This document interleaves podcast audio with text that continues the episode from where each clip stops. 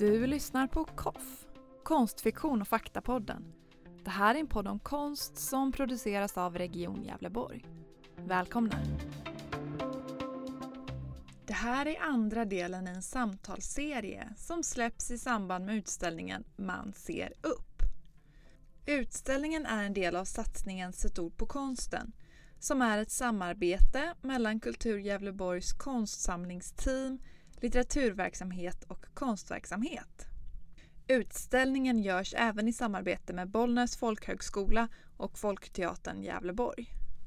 I den här samtalsserien har Kultur Gävleborg bjudit in gäster för att diskutera olika ämnen kopplat till Sean Henrys skulptur Man Looking Up och texterna som ingår i utställningen som studenter vid Bollnäs folkhögskola skrivarlinje har skrivit. I det andra samtalet möts journalisten Lilian Sjölund och Mikael Holmqvist från Kriminalvården i ett samtal om olika typer av våld, destruktiva roller och kulturen som en motkraft. Moderator för samtalet är Josefin Rydberg från Kultur Gävleborg. Hej och välkomna allihopa till det andra poddsamtalet i serien eh, utifrån konstutställningen Man ser upp. Eh, dagens samtal eh, har ett tema som inte är helt tydligt och satt. Jag tänker att vi kanske kan återkomma till det i slutet av det här samtalet och se vad det blev för tema. Mm. Får se vad vi tycker då som en slutkläm. Jag heter Josefin Rydberg och arbetar som verksamhetsutvecklare här på Kultur Gävleborg för Crossmedia. Och idag har vi bjudit in, mm, om jag börjar med dig Mikael, mm. kan du få presentera dig? Ja, eh, Mikael Holmqvist heter jag. Eh, jag jobbar på Kriminalvården sedan 2011. Började där som vanlig kriminalvårdare och, är idag eh, programledare inom kognitiv beteendeterapi. Och jobbar just kanske mot våldsprevention och i ett program som heter Puls. Mm. Tack så mycket. Tack. Och sen har vi också med oss Lilian Sjölund, journalist. Eh, sen 35 år tillbaka faktiskt, eh, nu i maj. Bor i Gävle men jobbar i Hälsingland för närvarande sedan 2011 som politisk redaktör fast jag har haft olika roller som journalist eller alla roller man kan ha nästan. Eh, nästan i alla fall. Och eh, på senare år har jag skrivit några böcker. Så du är också författare. Mm. Vi hade ju ett samtal förra veckan eh, och poddade då med Anna Sandaresa och Sara Wide Eriksson om mansrollen i konsten. Och en sak som då kom upp i det samtalet är att det kan vara viktigt att skildra både det individuella personliga perspektivet eh, och det mer strukturella. Eh, det samhälleliga lidande, de problem som kommer ur destruktiva könsroller. Ehm, är det någon som har hunnit lyssna någonting på det samtalet eller har kommentarer till det överhuvudtaget? För vi funderade en del på hur liksom benar man ut det där individuella från det strukturella? Hur pratar vi om destruktiva strukturer utan att prata om individer? Är det ens möjligt? kanske du har som jobbar med det? vi jobbar ju väldigt individuellt inom kriminalvården. Vi, vi, jobbar ju, vi, vi har ju gruppprogram och jobbar väldigt mycket med grupp. Men den, det sker ju väldigt individuellt mot eh, deltagarna hur de tar in mm. informationen och hur de bearbetar den. Självklart är ju gruppsamtal fruktansvärt bra på det sättet att man faktiskt eh, tillsammans kommer fram till kanske en bra lösning i något. Så på, på den nivån är det också väldigt bra. Men det primära är ju att hitta den liksom individuella för att de ska fokusera på sitt, sitt själv och kanske liksom sitt eget, att få fram den förändringen som de behöver få ta sig vidare. Mm. Så det, det, är lite olika. Det är hjälp av varandra men också det här egna individuella drivet då för att ta sig framåt. Mm. Så det är hela tiden ett både och, liksom både ja. struktur och individ ja. på något sätt? Mm. Skulle du kunna berätta lite mer om det program eh, som du nämnde nyss, Puls, som du leder? Ja, det är ju ett program mot eh, personer som är våldsamma. Eh, det riktar sig faktiskt både mot män och kvinnor. Används ju självklart på olika anstalter då. då. Ehm, det bygger ju på att klienten kanske har använt våld som en problemlösning. Alltså att man har använt det som att ett beteende som hela tiden betingat kanske positiva konsekvenser som har gjort att man har bara fortsatt använda det. Ehm, det handlar om att bryta det, att hitta att, ja, men, att konsekvenserna lett till fängelse är ju en konsekvens till exempel. Men att det också kan ha lett till ja, men, våld i, i, i relationer eller eh, våld i rent generellt anspråk också. Om det är i, kanske i, miljöer där man måste liksom hamra sig fram för att liksom mm. visa att ja, men status och makt och sådana saker. Mm. Eh, det försöker vi liksom bearbeta genom att prata med dem och hitta liksom andra problemlösningar som de kan liksom använda sen. Mm. Men också titta på till självkontroll, relationer eh, och tankar och känslor och jobba väldigt mycket med dem. Mm. Jag, tycker jag fastnar lite på att du säger att ni arbetar med både män och kvinnor. Det tycker jag är jättespännande. Min fördom är att det är mest män som brukar våld. Mm. Eh, och, men men att, att programmet omfattar både män och kvinnor. Vad har du för erfarenheter där? Tyvärr har jag ingen erfarenhet eh, av att jobba just med kvinnor. Eh, jag har ju däremot många kollegor som har gjort det. Mm. Eh, och det är ju liksom samma, det är ju kvinnor som har använt våld på något sätt. Liksom kan ha varit i, i, i närhet av sitt, att liksom de ändå ska ta sig fram och, och använt det kanske i sina relationer och så. Det finns ju andra typer av program som kanske riktar in sig just på relationsvåldsbrott. Eh, mm. Men eh, Puls är ju mer kanske för det här generella, vad som händer i, i samhället. Ja, men om man är Ja, men man börjar ju läsa om eh, eh tjej, tjejgäng till exempel som ändå liksom går ut och eh, rånar och sådana saker. Att det har ju liksom börjat kommit lite grann också. Mm. Och det belyser man ju liksom användandet av våldet. Mm. Vad kan man göra istället? Behöver ni verkligen göra de här sakerna? Mm. Eh, och det gäller både män och kvinnor. Alltså att det kommer fram till att man liksom ska hitta en bättre problemlösning i, i det man har gjort. Att man inte fastnar i det som bara leder till de här negativa konsekvenserna som sedan liksom skapar ännu mer problem, problem i längden. Mm. Jättespännande tycker jag. Eh, Lilian, du har ju bland andra, andra verk skrivit boken Hatad. Vart är det demokratiska samtalet på väg? Där berättar du om metoder för att tysta skribenter idag. Och det är liksom alltifrån att göra ett klimatet obehagligt så man självcensurerar sig, man passar sig för att ge sig in i vissa debatter till, till direkta hot och våldsamma konsekvenser. Konsekvenser heter det. Ehm, Märker du av, hur ser det ut när du får, för du har också mött en hel del hat, både i samband med den boken och sådär. Ser du också, är du drabbad av tjejgäng eller hur ser det ut där? eh, nej, jag har inte varit drabbad av någon tjejgäng men, men eh, anledningen till att jag skrev boken var ju eh, eh det är ju en personlig debattbok kan man säga. Eh. Och det var att vi skulle eh, börja prata om det helt enkelt. För att eh, jag tyckte att det saknades en debatt om eh, vad man förväntades stå ut med som ledarskribent mm. framför allt. Mm. och kvinnlig ledarskribent framför allt.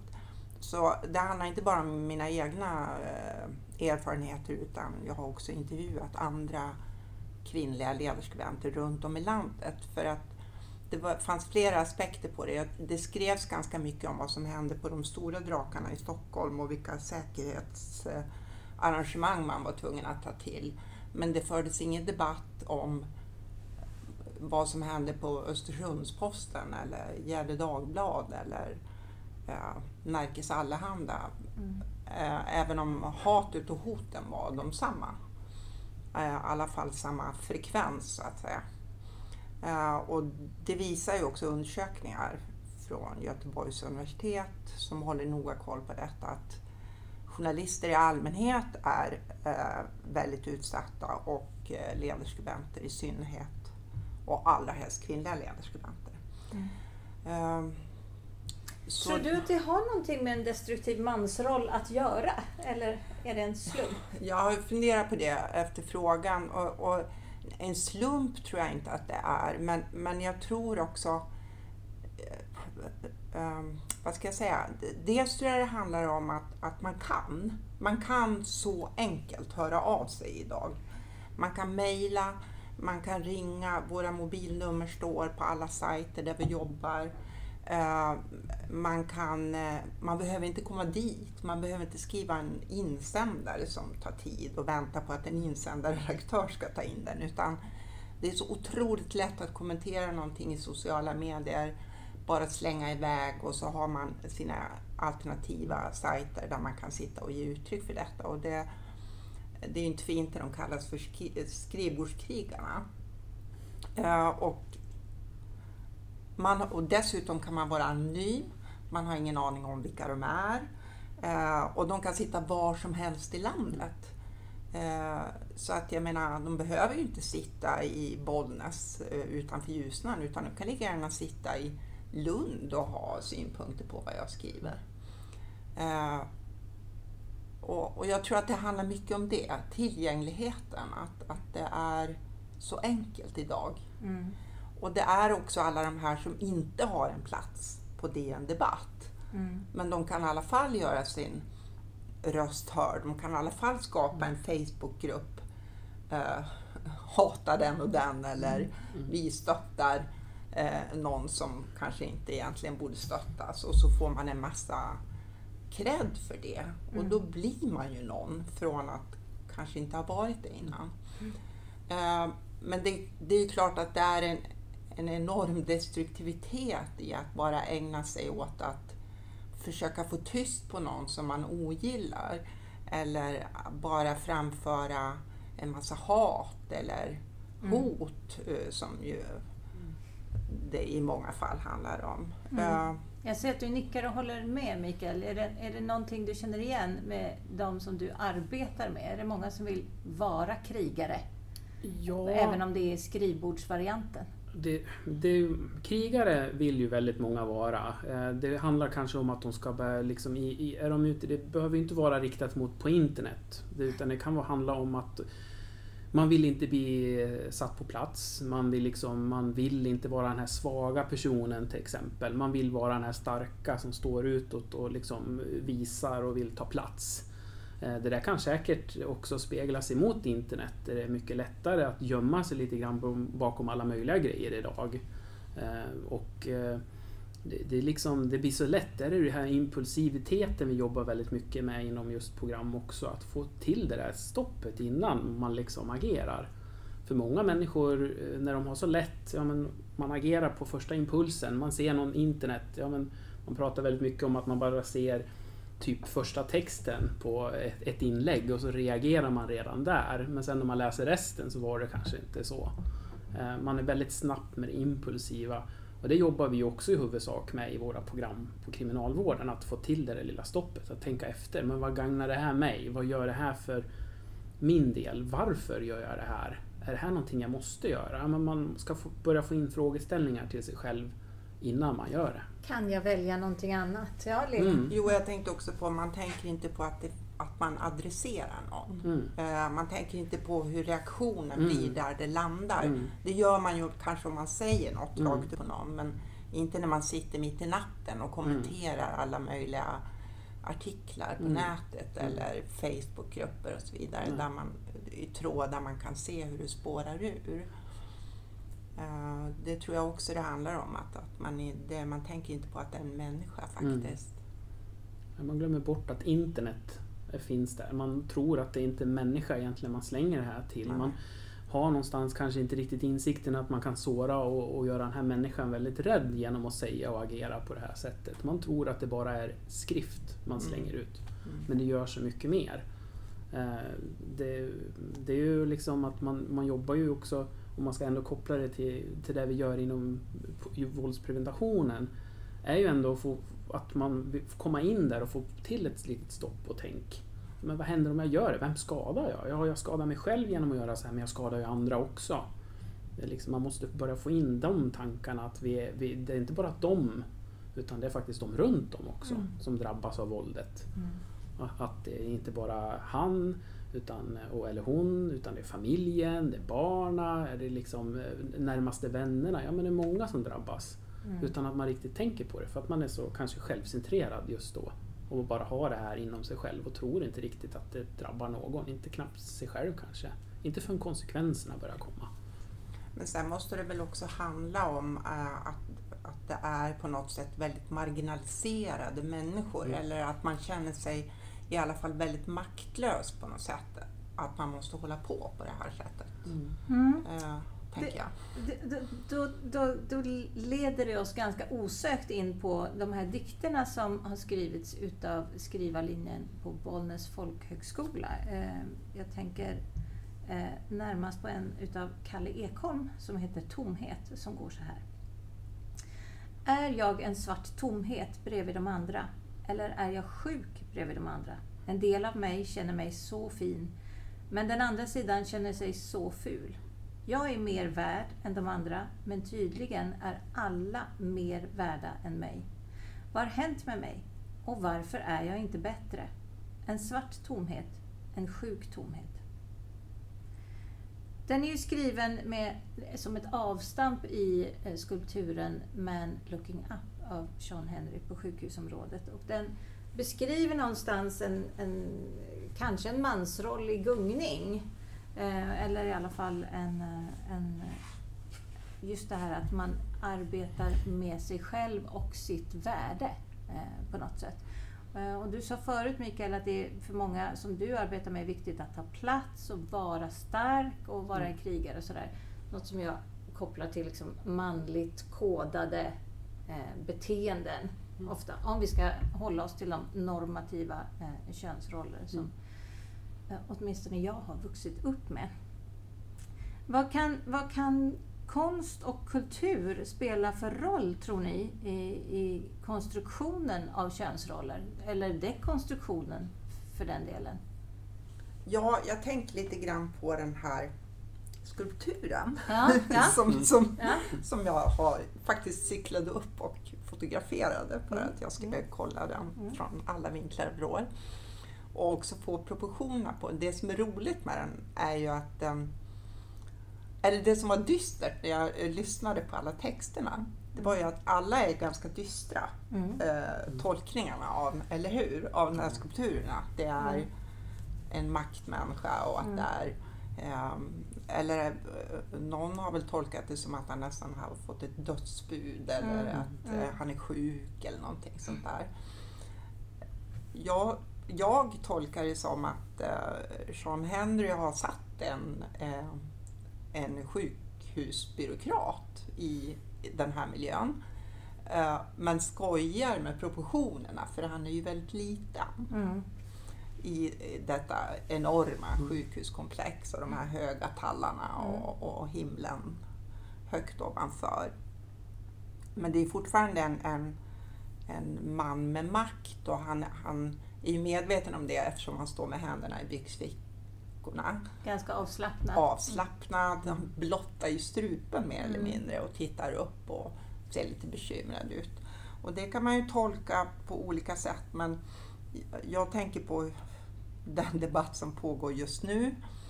Eh, Att antingen så kan man ju tolka det som att eh, Region Gävleborg håller ju på och, och, och ska bygga något som heter Framtidsbygget som eh, just nu ska kosta hisnande 5 miljarder kronor.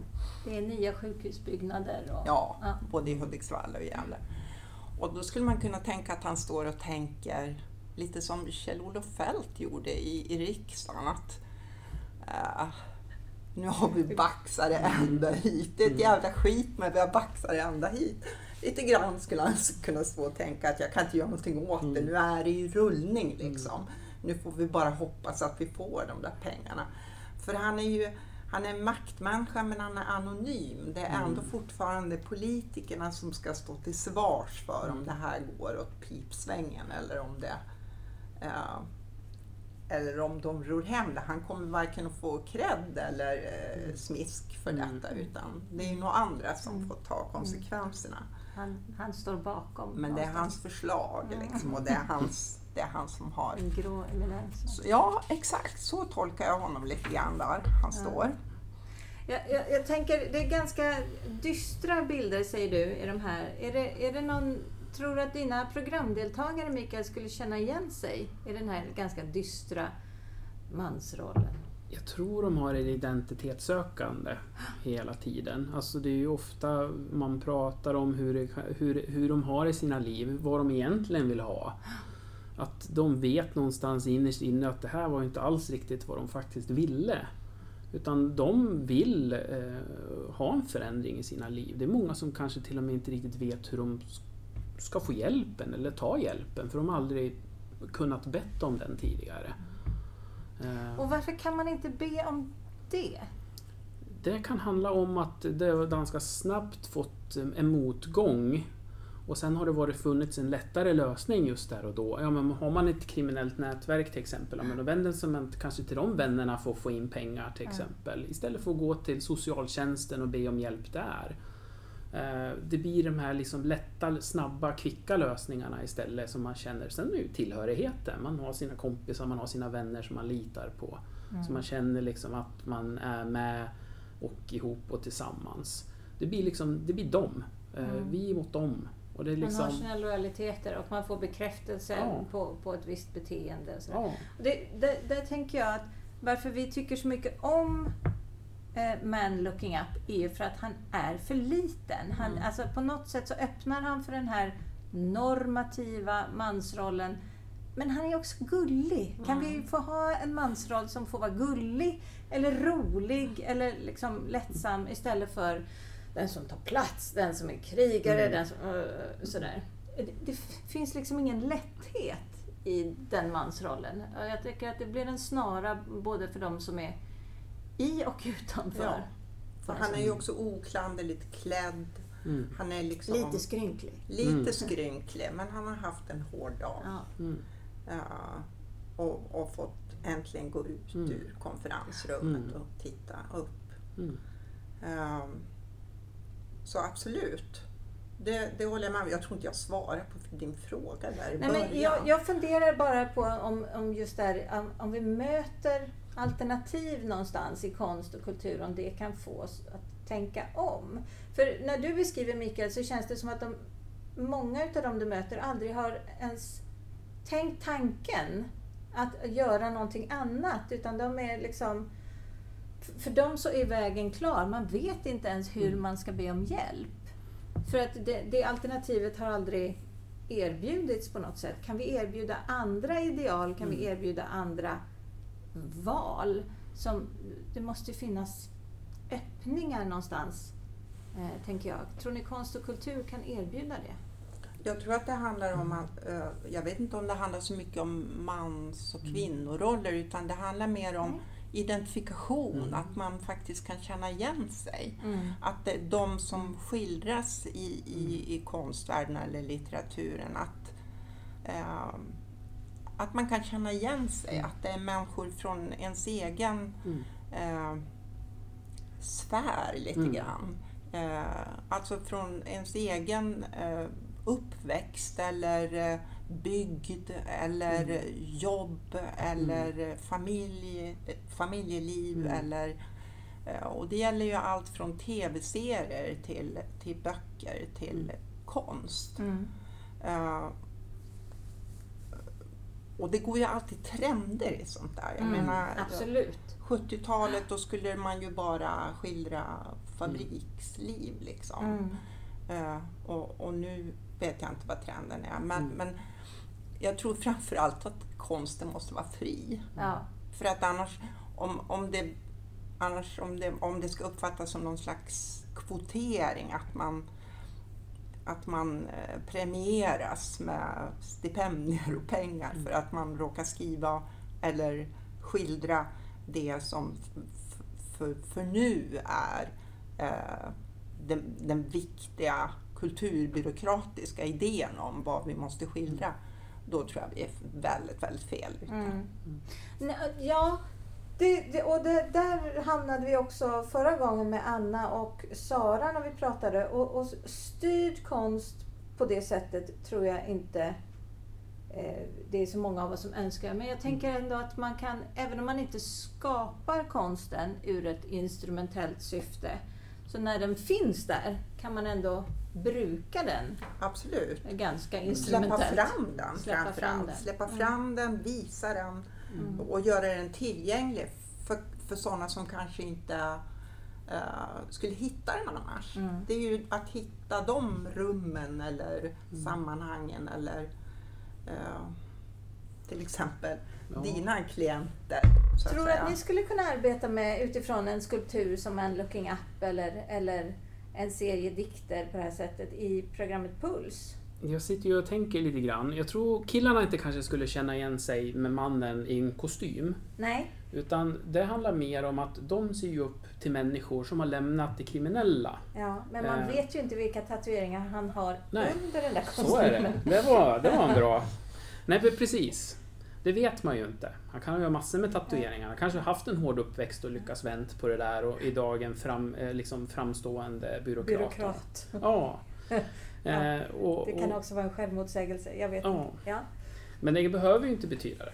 Men, och eh, jag tänker också att många av grabbarna, eh, om det, om, det finns ju alltså, många uttrycker sig ju konst. Många ritar ju på, liksom ner sina känslor och så på Ja. papper. Eh, men det kanske inte syns ofta, för det hamnar hos dem bara, i närheten. Att, att de kanske delar med de närmaste på avdelningarna eller liknande. Eller att man, man, man, man liksom, det, det kommer inte ut så mycket till oss i allmänheten. Till de så att stora massan ser den här konsten som de här grabbarna ändå lägger ner tid och energi på. För det är många som är duktiga på att måla och rita eh, och uttrycka sig i konst. Men det kanske inte kommer fram så mycket. Ehm, det är lite tråkigt och jag tror, skulle det mer komma där, ja, men då, då börjar ju de få något de kan börja tolka och se, se ja, men vad är det här, vad ska den här konsten känneteckna för någonting för mig? Hur tolkar jag den när jag ser den här? Mm. Eh, Det, det blir liksom hur- hur ska jag uppfatta den? Ja, menar han så eller är det så här han menar? Ja, men då börjar man ju skapa en liten debatt med sig själv Mm. genom att liksom börja ifrågasätta.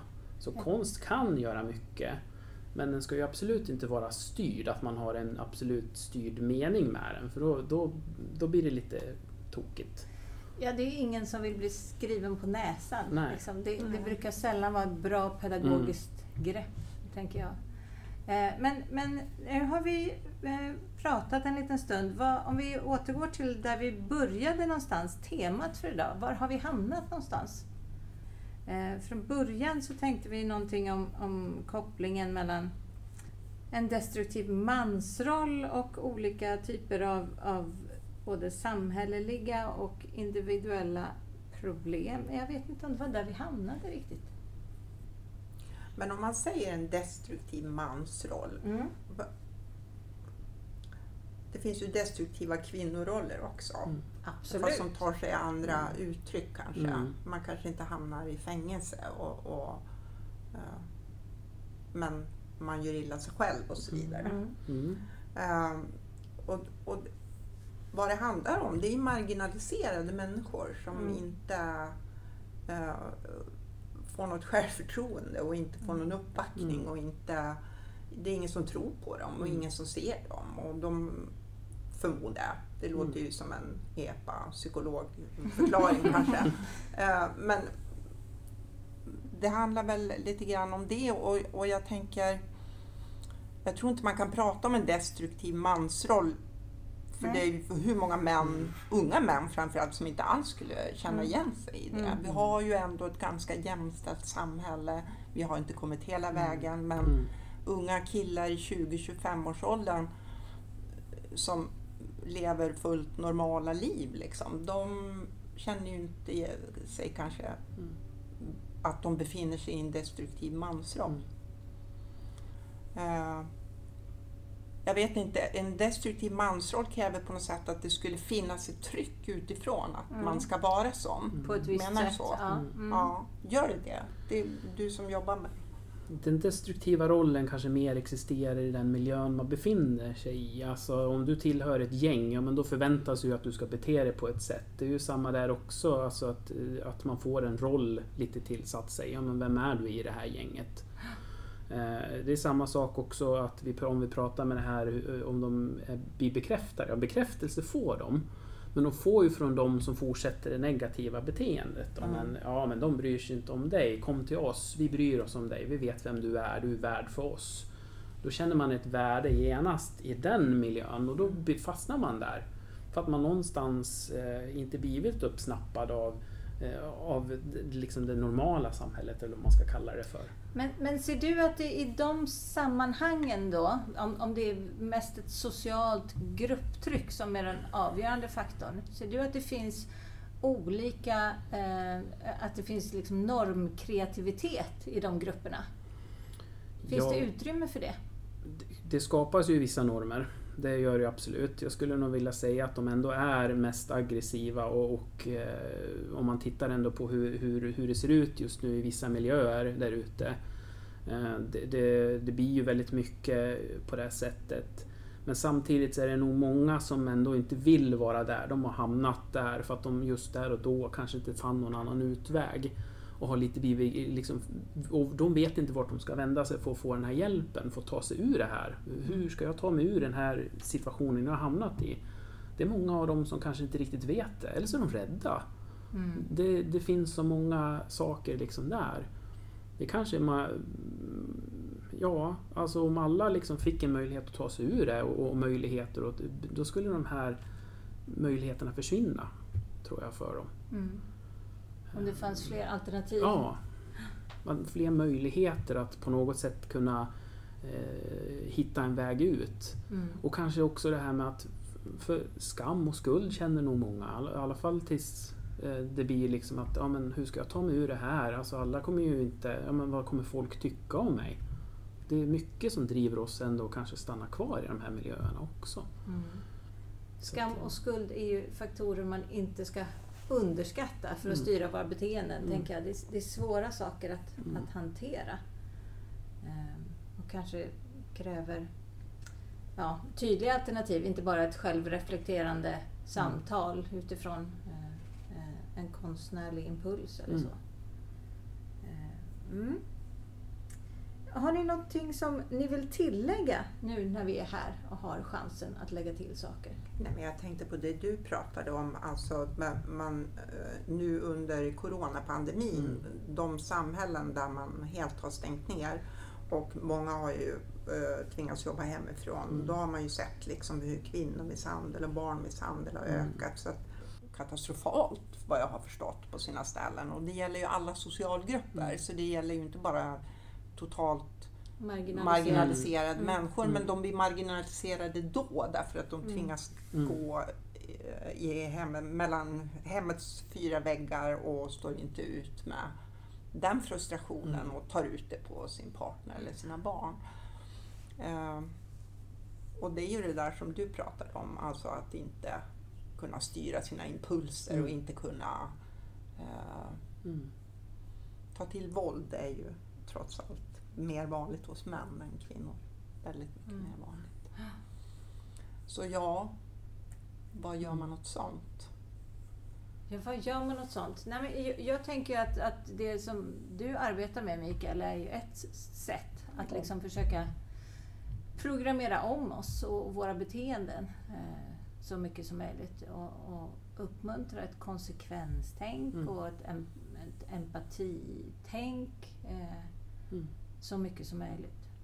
Det handlar ju väldigt mycket om att faktiskt finna andra vägar. Alltså att om, om man är frustrerad och ledsen och arg, att man får ut det på något annat sätt. Eh, det kan hända att man egentligen saknar människor man behöver egentligen prata med. Man kanske är ensam. Eller bara sätta ord på. Ja, det också. Det här känner jag just nu. Mm.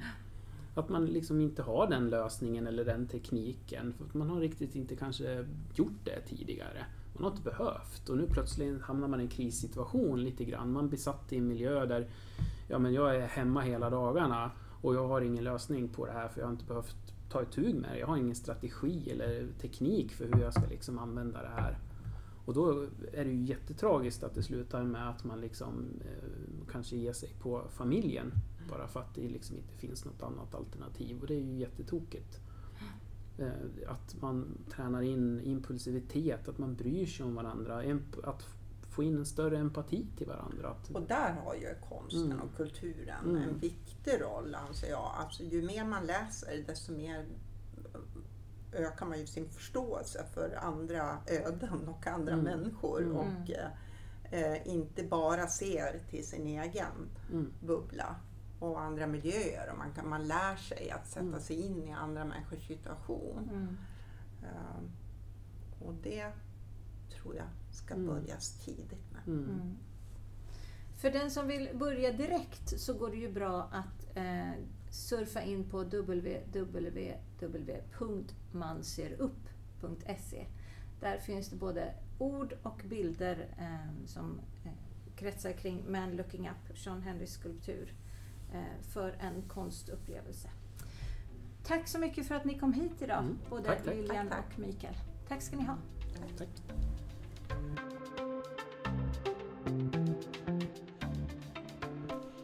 Du har lyssnat på KOFF, konstfiktion och faktapodden.